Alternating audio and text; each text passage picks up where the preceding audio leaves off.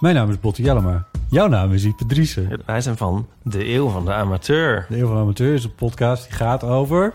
Alles. Het is een eh, podcast over levenskwesties die je niet kunt googlen. Een soort licht neurotische blik op het leven. Het is een podcast met humor. Jezus. Kijk, een grapje. Die, die vragen durft te stellen en die je ook onbeantwoord durft te laten. Mooi. met een regenboogvlagje. Dat, dat noem je queerbot. Dat an- regenboogvlag, dat klinkt echt als een soort... Eh, ik bedoel, iedereen is welkom. Kom ons luisteren in je favoriete podcast-app.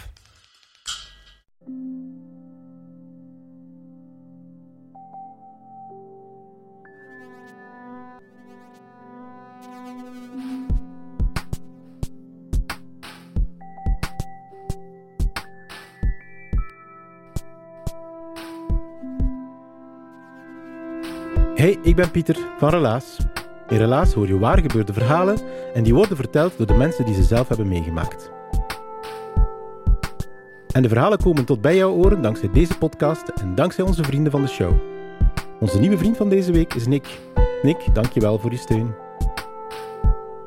En nu naar het relaas van Steven. Ja, Steven heeft het niet gemakkelijk gehad. Hij vertelt een coming-of-age verhaal over een moeilijke vaderschap. Gelukkig voor Steven kan hij af en toe eens zelf relativeren.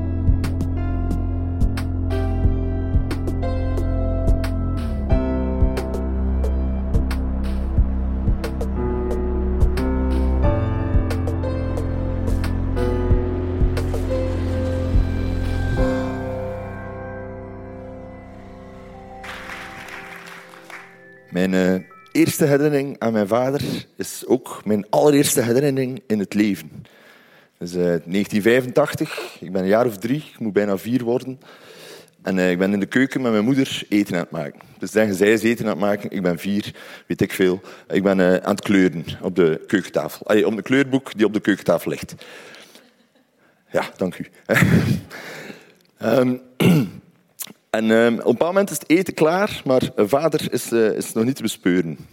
En heel raar, we dekken de tafel, de potten komen op tafel, maar we moeten nog wachten. Blijkbaar was dat zo in de jaren tachtig. Als vader niet thuis was, werd er niet gegeten. Ik ben een klein kind, ik heb honger, ik wil eten en dat, ik word ongeduldig. En op een moment geeft mijn moeder mij toch al wat eten, maar nog geen vlees. Ik weet niet waarom. Geen vlees, wat groenten, wat patatten, dat krijg ik. En we wachten, we wachten, we wachten. Vader was gaan werken. Nu, als je mij vraagt, wat deed uw vader? Ik heb geen idee. Ehm, als je de term 12 stielen, 13 ongelukken, ongelukken opzoekt, dan krijg je een foto van mijn vader te zien in de jaren 80. Dat is zo wel zijn ding. Ik weet dat hij op een bepaald moment hondenvoer verkocht, omdat onze living vol lag met zakken hondenvoer. We hadden geen hond. We hadden heel veel hondenvoer. En we wachten en we wachten en ondertussen krijg ik wel wat vlees. En op een bepaald moment komt mijn vader binnen. En ik weet niet wat er precies gezegd wordt. Het is heel luid, het is roepen tegen elkaar dan ze doen. Ze maken effectief ruzie. En ik zit lekker te eten. En op een bepaald moment kijk ik op en dan zie ik mijn vader als een soort slow motion, als een soort jaren tachtig film. Een, een, een, ja, er is maar één woord voor. Een backhand uitdelen aan mijn moeder. En als in de films vliegt mijn moeder met haar voeten van de grond. En voor mij gaat dat allemaal in slow motion. Hè. Dat, is, dat is zot. Die valt achterwaarts in de zetel, huilbui, die begint te roepen op elkaar. Ik moet met mijn eten ergens anders gaan zitten. En die roepen de boel bij elkaar. Ik denk, whatever, ik heb eten. Dus, je staat daar niet bij stil als je zo klein bent. Nu, de sfeer was van om zeep bij ons thuis. Ehm, maar die zou iets later goed komen, want ik zit in de keuken en mijn moeder wil dingen wegzetten in de kast. Mijn moeder is niet zo groot, dus die moet op de, de stoel gaan staan. En ik was op de grond aan het spelen en mijn vinger lag op de stoel, mijn hand. En ze staat op mijn pink en als ze haar voet opheft, is mijn pinknagel weg. Die was aan haar sleds blijven plakken. Dus we hebben die even gezocht, samen met mijn vader, want ineens was hij wel geïnteresseerd in zijn gezin. En we vinden die onderaan haar schoen. Ze verzorgen mij samen. Alles is goed. Ik kijk naar Plons, de gekke kikker. En ik ga naar mijn bed. Dat is zo mijn eerste herinnering aan mijn vader. Ehm, mijn tweede herinnering aan mijn vader is ehm, een anderhalf jaar later. Ik ben vijf, bijna zes. En ehm, ik, eh, ik moet naar het eerste studiejaar. Ik zit al in het eerste studiejaar, denk ik. Ja, ik zit in het eerste studiejaar. Zeer belangrijk. Ehm, en op een dag, heel raar, ben ik thuis met mijn vader. En dat is niet normaal. Mijn moeder was de huisvrouw. Mijn vader moest een van zijn twaalf jobs gaan doen. En ik ben thuis met hem en hij is gelijk heel opgewekt en is dingen aan het inpakken. Dan denk ik, oké, we gaan misschien ergens naartoe, wie weet. Dat kan nog leuk worden. En hij blijft maar inpakken en ik merk dat het alleen maar spullen van mij zijn. Kleren van mij, speelgoed van mij, boeken van mij, strips, van alles. In, in een tas, in de auto, heel vrolijk. We stoppen nog ergens onderweg en hij koopt mij vier strips. Ik had nog nooit vier strips in één keer gekregen. Dat was iets absurds. Ene, als je braaf waart, hè? de zondag. En dan voor de rest nooit. En nu vier. Ik dacht, oh ja, beste dag van mijn leven. Bleek niet zo te zijn.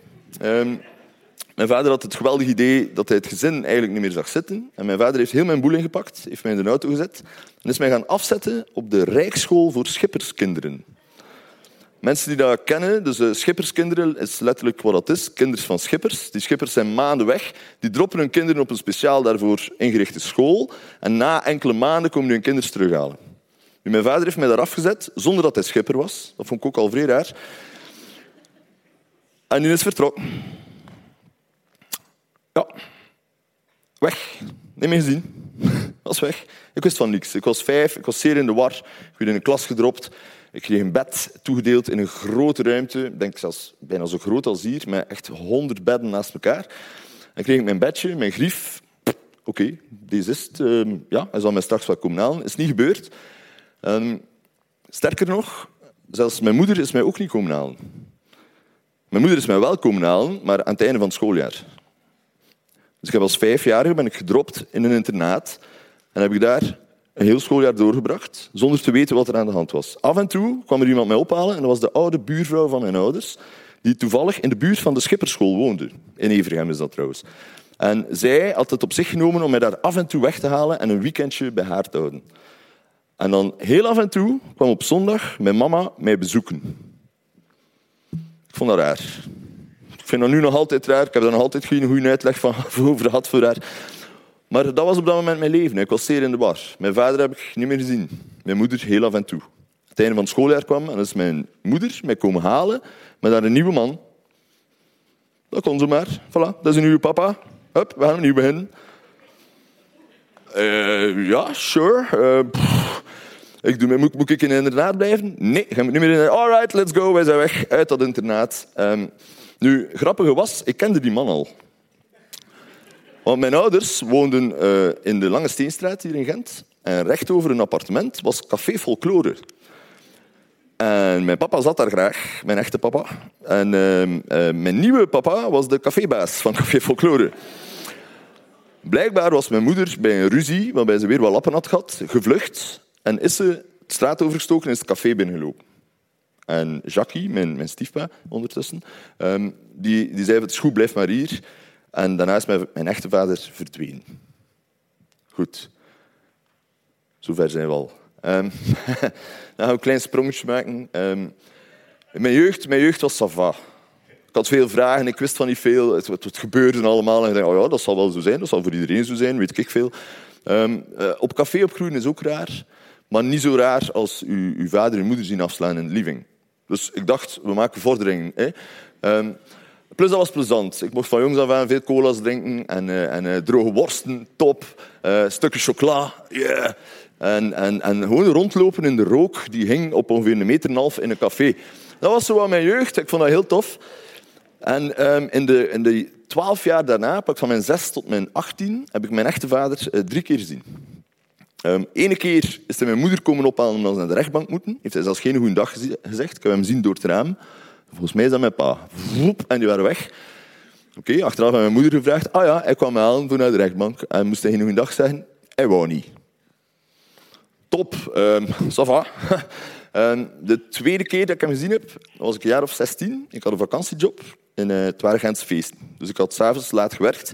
Ik was daarna nog iets gaan drinken met vrienden. En s'morgens vroeg om negen uur, wat vroeg is als je laat in je bed ligt, komt mijn moeder met mijn bed aan en ze zegt, er is bezoek voor u.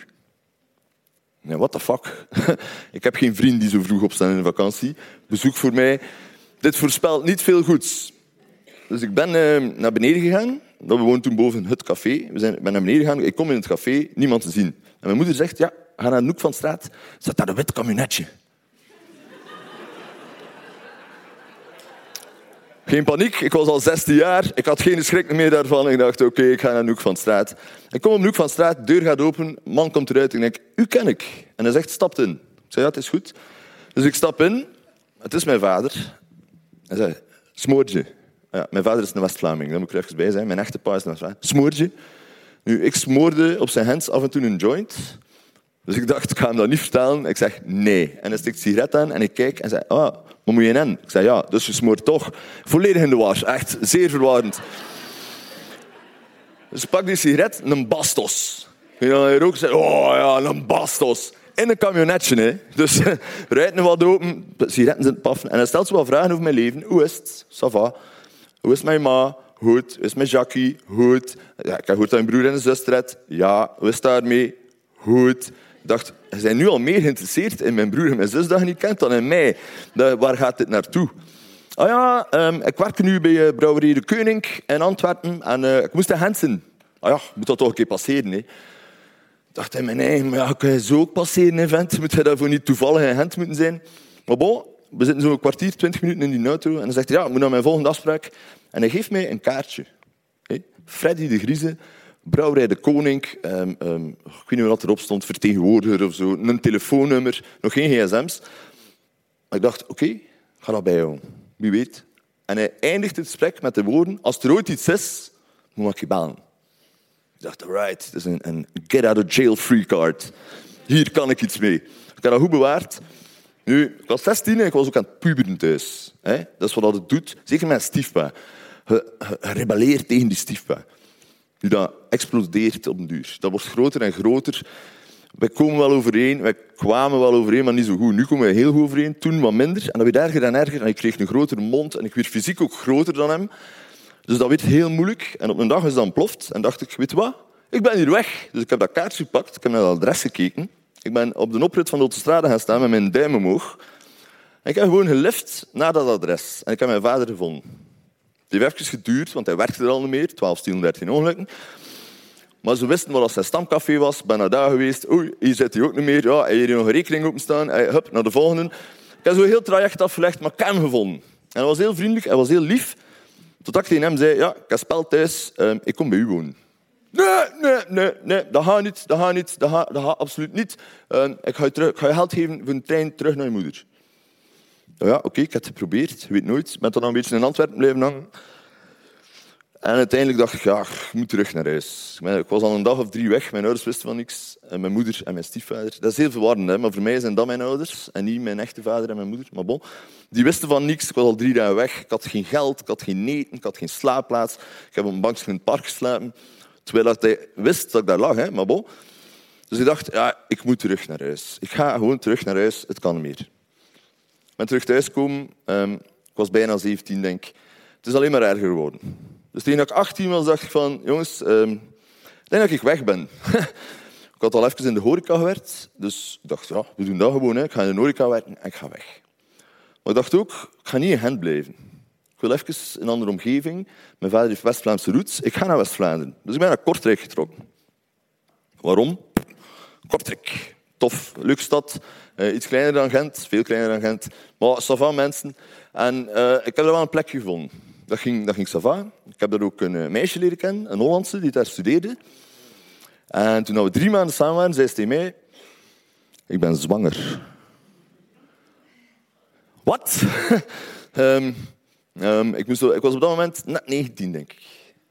Mm, of net niet. Nee, net niet, net niet. Twee maanden voor mijn 19e verjaardag zegt hij mij... Ik ben zwanger. En in één adem... En ik ga het houden. En ik dacht, ja... En ik ga het beter doen dan mijn vader. Ik ga ervoor zorgen voor hun kleine. Ik ga dat alles goed. En terwijl ik zo want ja, ik ga dat goed doen en ik ga dat goed doen, zegt zij. En ik ga terug in de buurt van mijn ouders in Nederland gaan wonen. Um, nu goed, ik was ook niet van Kortrijk. Dus ik dacht, oké, als ik meega, laat ik hier eigenlijk niet zoveel achter. En uh, toen zei ze, ja, dat is in Groningen. Als je niet weet waar dat ligt, dat is 400 kilometer van hier. Hè? En zij zei, ik ga daar gaan wonen. En ik dacht, ja, maar ik ga niet mijn vader zijn. Ik ga mijn kind niet in de steek laten. Ik ga mee. Slechtste beslissing ooit. Ehm, nu, goede beslissing omdat je voor dat kind wilt zorgen. Maar ik kende dat meisje drie maanden, vier maanden max. Je kent elkaar niet? Je poept. Dat deden wij, poepen. Anders zou ik gekend hebben. Hè? veel babbelen hebben wij niet gedaan. We wisten eigenlijk nog niet zoveel over elkaar. We hadden nog nooit samen gewoond. We hadden nog niks. En dan hebben we daar een appartementje gezocht, gevonden, zijn we gaan samenwonen. Maar ik in Holland werk moeten gaan zoeken. Lastige, lastige jobinterviews. Dat is echt solliciteren in Nederland met een Belgisch accent. Dan gaan we maar over één ding. Wat doe je hier? Dat is, zo, dat, is zo, dat is zo de kern. Ik heb daar anderhalf jaar in een bedrijf gewerkt. Tot de laatste dag was ik... hey, Belg. hey, Belg. Ik heb een naam, jongens. Het is Steven. Dat is de Hollandse naam. Dat is, je verstaat mijn naam. Zeer frustrerend. En nu, ik heb al een beetje weggegeven. Ik heb daar anderhalf jaar gewerkt. Toen mijn, mijn zoontje, Jeroen, anderhalf is geworden, was de relatie al zodanig verzuurd en kapot dat zij al niet meer bij mij woonde. Dat kind meegenomen. En eigenlijk zat ik al wat in de situatie van mijn vader eerder. Ik wist al, ik heb het verkloot. Is, het is niet goed. Ik ben, ik ben aan het nadoen wat er gebeurd is. En ik ben daar nog even proberen blijven in Nederland, maar ik had geen familie, geen vrienden. Ik verdiende jeugdloon. Ik weet niet of je dat kent, maar in Nederland tot je 24ste verdien een percentage van wat je normaal voor die job zou krijgen. Ik was 20. Mijn eerste job in Nederland betaalde 8 gulden 80 per uur. Dat is 4,40 euro per uur voor een fabrieksjob. Dus ik had daar niks te zoeken. En dan dacht ik, ik moet hier weg. Ik ga terug naar België. met mijn laatste geld heb ik een treinticket gekocht. Ik heb mijn moeder niet verwittigd. Ik dacht, ik rijd daar gewoon naartoe en ik val met de deur in huis. Dat leek mij een leuke oplossing. Um, maar op de trein door Nederland, dat is, even rijden, is een paar keer overstappen ook, moest ik ineens aan mijn vader denken. En ineens had ik een stuk begrip voor wat hij gedaan had. Want hij heeft mij achtergelaten en op dat moment heb ik mijn zoon achtergelaten. Ik moest vrij aan hem denken. En als bij wonder zat dat kaartje nog altijd in mijn portefeuille. Brouwerij de Koning. En dan weet ik heb hem een paar jaar terug heb ik hem gevonden. Ik ga hem nu gewoon terug gaan zoeken. En hem zeggen dat hij grootvader is. Misschien interesseert hij hem dan wel in mijn leven. En wie weet. Hè. Nu, Brouwerij de Koning geweest. De mensen die daar toen zaten, kenden hem al meer. Probleem. Zijn stamcafé, dicht. Probleem. Ook zo op straat rondgezworven. En dan had ik het geniaal idee. Ik ga dat gewoon aan de bevolkingsdienst gaan vragen. Excuseer, ik zoek mijn vader. Nu, ze lachen nu daaruit. Hè. Excuseer meneer, dat is informatie die wij niet mogen geven. Ja, ik zei, dat begrijp ik, maar dat is mijn vader. Ik heb belangrijke mededeling voor hem. Nee, sorry, dat gaat niet meneer. Uh, hoe noemt u vader? Ik zei, Freddy de Grieze. En zei, zeker dat hij in Antwerpen woont? Ik zei, ja, het is, het is al dat ik heb, het is al dat ik weet. En die mens, ik had zijn naam willen weten, ik zou hem nog altijd willen bedanken. Wat bij een tokkelen op de computer. En die zei tegen mij, ik mag u die informatie niet geven. En in de pauze gaan pakken, pijs ik. Eh. Dus ik, had, ik had zelfs geen stilo, dus ik heb zo achter zijn bureau een stilo moeten vissen. Zo. Laatste adres, oké, okay, en heb nog maar oude adressen bij opgeschreven. En uh, ik ben met die adressen beginnen zoeken en ik heb hem dan ook uh, teruggevonden. Dat was een speciaal moment. Um, het is een rijhuis, ik bel aan. Duurde even, ik hoor gestommel van een trap. Hij staat daar, mijn hart ging echt honderdduizend. Dat is echt niet normaal. En de deur gaat open en je kent in Harry Potter die spiegel dat je zo je wensen ziet. Hè? Je wensen en je verlangens daarin ziet. Ik keek precies in de spiegel die mij gewoon twintig jaar ouder maakt. Dat, zo, dat ben ik, maar ouder. Het zot. Je voelt direct van, ja, wij zijn, wij zijn verbonden. En uh, ja, hij vraagt mij binnen, heel vriendelijk, even nieuwe vrouw. Magda of zoiets. Uh, eigen interesse in mijn leven, ik niet in dat van hem. Uh, Magda, uh, ah, kom binnen, moet je vertrinken, dit en dat. En hij zegt tegen haar, we gaan even naar boven. Ik ja, dat is goed. Boven, even met hem babbelen. Maar ik heb belangrijk nieuws voor hem. Hè. Ik moet hier iets belangrijks komen vertellen. En we gaan naar boven en een fles rode wijn mee. En we komen boven een soort zolderkamer met gitaren en een box. En hij zet hem en hij begint zo gitaar te spelen. Hij zei, ja, wat komt hij eigenlijk doen? En ondertussen is hij Dire Straits aan het spelen. Heel raar. En ik zei, ja, ik heb groot nieuws. Ah, zegt hij, hadden trouwen. Ik zei, nee jong, veel groter. Ah, ja, nee, ik weet niet. Wat, wat Ik zei, ja, um, groot nieuws voor u ook. Zeg, jij zegt grootvader. En ik kijk me aan en hij zegt, nee. Dan denk ik, jawel, ik heb dat kind zien geboren worden. Dat, jij zegt grootvader. Hij zei, nee. Maar hij zei niet van ik. Ja, dat gevoel had ik ook. What the fuck? Maar ik zei, had juist de deur open en dacht dat, dat, dat, dat kik was, maar een beetje ouder. Maar wat minder haar, wat langer haar, maar minder. En hè? Nee, maar hij, hij zei niet van mij. Zeg, maar dat kan niet. Ik maar trek op u. We zijn, zijn even groot, we zijn even dezelfde postuur, dezelfde schoenmaat, hetzelfde gezicht, dezelfde handen, hetzelfde... We zijn hetzelfde. Ik zei, nee. Zeg, maar hoe verklaar je dat dan? Hij zei van mijn broer. Wat? Ten eerste, ik wist al niet dat er broers in het spel waren. Ik wist dat hij broer zat. Ze waren zeven of met acht thuis. Ik ken daar geen één van. Ik heb in mijn jeugd zo wat flarden dat we daar ooit geweest zijn. En die waren allemaal muziek aan het spelen. Maar ja, hij zei van Johan. Johan heeft nog bij ons gewoond toen het slecht ging met hem. Hè, en toen ik gaan werken was, heeft hij met uw ma gepoept. Ik zeg, maar dat kan niet zo. Wij, lijken te hard op elkaar. Maar het is mijn broer, zegt hij. Ja, hij lijkt meer op mijn broer dan dat op mij lijkt. zeg, maar dat kan niet, dat kan niet, dat kan niet.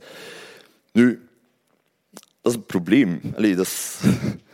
Wat, wat, wat, moet ik doen? En dan op een of andere manier, ik was zodanig verbaasd. Ik denk dat ik tien minuten later buiten stond. Met niets. Met, niets. Ik, ik, wist ook niet wat ik moest doen. Het enige dat ik kon denken is, ik moet aan mijn ma vragen. Ik moet aan mijn ma vragen hoe dat, dat kon. Het verhaal klopte wel. Die Johan had bij hen ingewoond. En mijn vader had dan ook tegen mij gezegd, ja, ik kan geen kinderen krijgen. Dat kan niet. En dat heb ik aan mijn ma gevraagd en zei, jawel. dat is een leugen. Maar het grappige is... Um, grappig. ik stond daar buiten in Antwerpen. Ik had ook niks om naar terug te gaan. Ik ben dan in het, het systeem terechtgekomen, de jongerenopvang. Ik ben naar een opvangplek gegaan. Ik ben, een heel lang verhaal.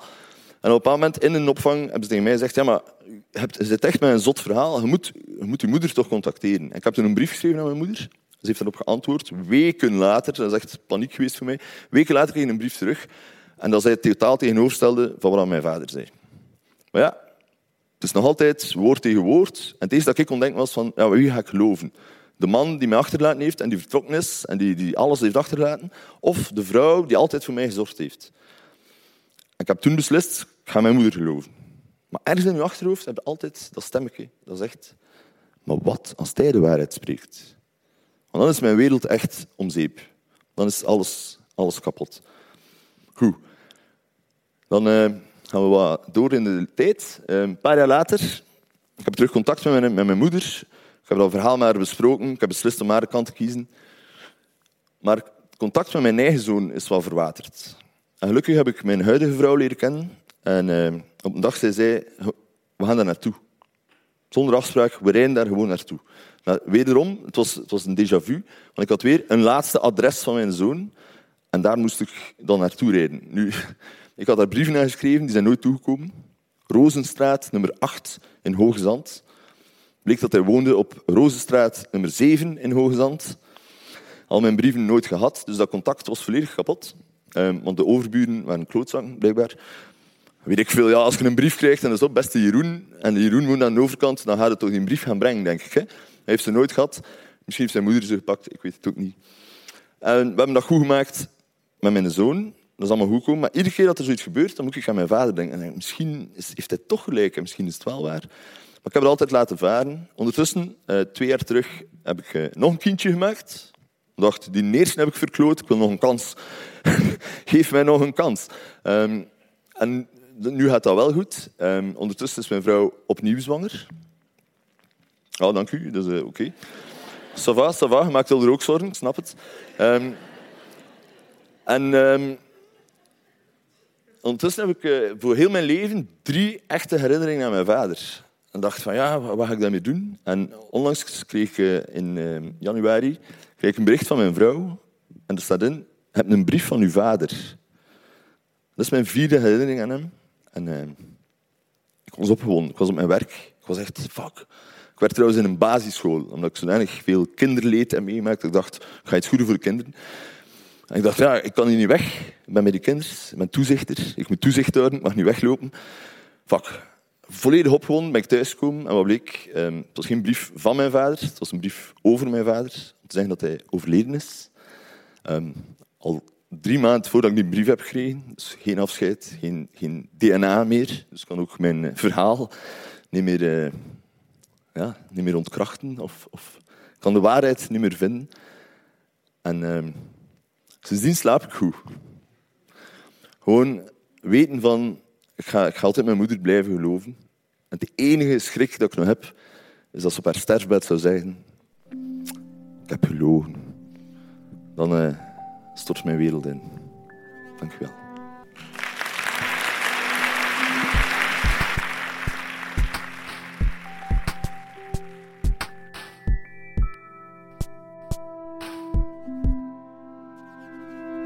Dat was het relaas van Steven. Hij heeft het verteld op de jubileumeditie van Relaas in juni van 2022. Samen met Team Antwerpen, Gent en Team Brugge hebben we toen één grote editie van Relaas georganiseerd. Met meer dan 300 mensen die mochten komen luisteren, op een podium en met de live muziek van Stoomboot. Stevens verhaal was voor ons een berekende gok, want normaal gezien coachen wij al die verhalen op voorhand en zeker met deze jubileumeditie wilden we dat extra goed doen. Maar Steven, ja, die zit zo niet aan elkaar. Ehm, die laat zich op voorhand niet coachen. Hij wou liever spontaan vertellen, zei hij. En omdat Steven al eens vroeger had verteld op ons relatiepodium, hadden wij er alle vertrouwen in. En kijk, wat een prachtig verhaal heeft het opgeleverd. Als je trouwens dat andere verhaal van Steven wil horen, het is minstens even straf, um, zoek dan eens op Relaas. Steven kon het zelf ook niet geloven, moet je intippen. Relaas, Steven kon het zelf ook niet geloven en dan kom je dat verhaal ongetwijfeld tegen. Je kan ook ons boek kopen, daar staat het ook in. Ons boek is nog steeds verkrijgbaar in de boekhandel uh, of online via onze website. En daar staan onze 20 allerbeste relaasverhalen in neergeschreven. Relaas bestaat dankzij subsidies, giften en vrijwilligers. Kort uitgelegd, wij krijgen subsidies van de dienst Cultuur van de stad Gent en die van de Vlaamse gemeenschap voor het organiseren van onze vertelavonden.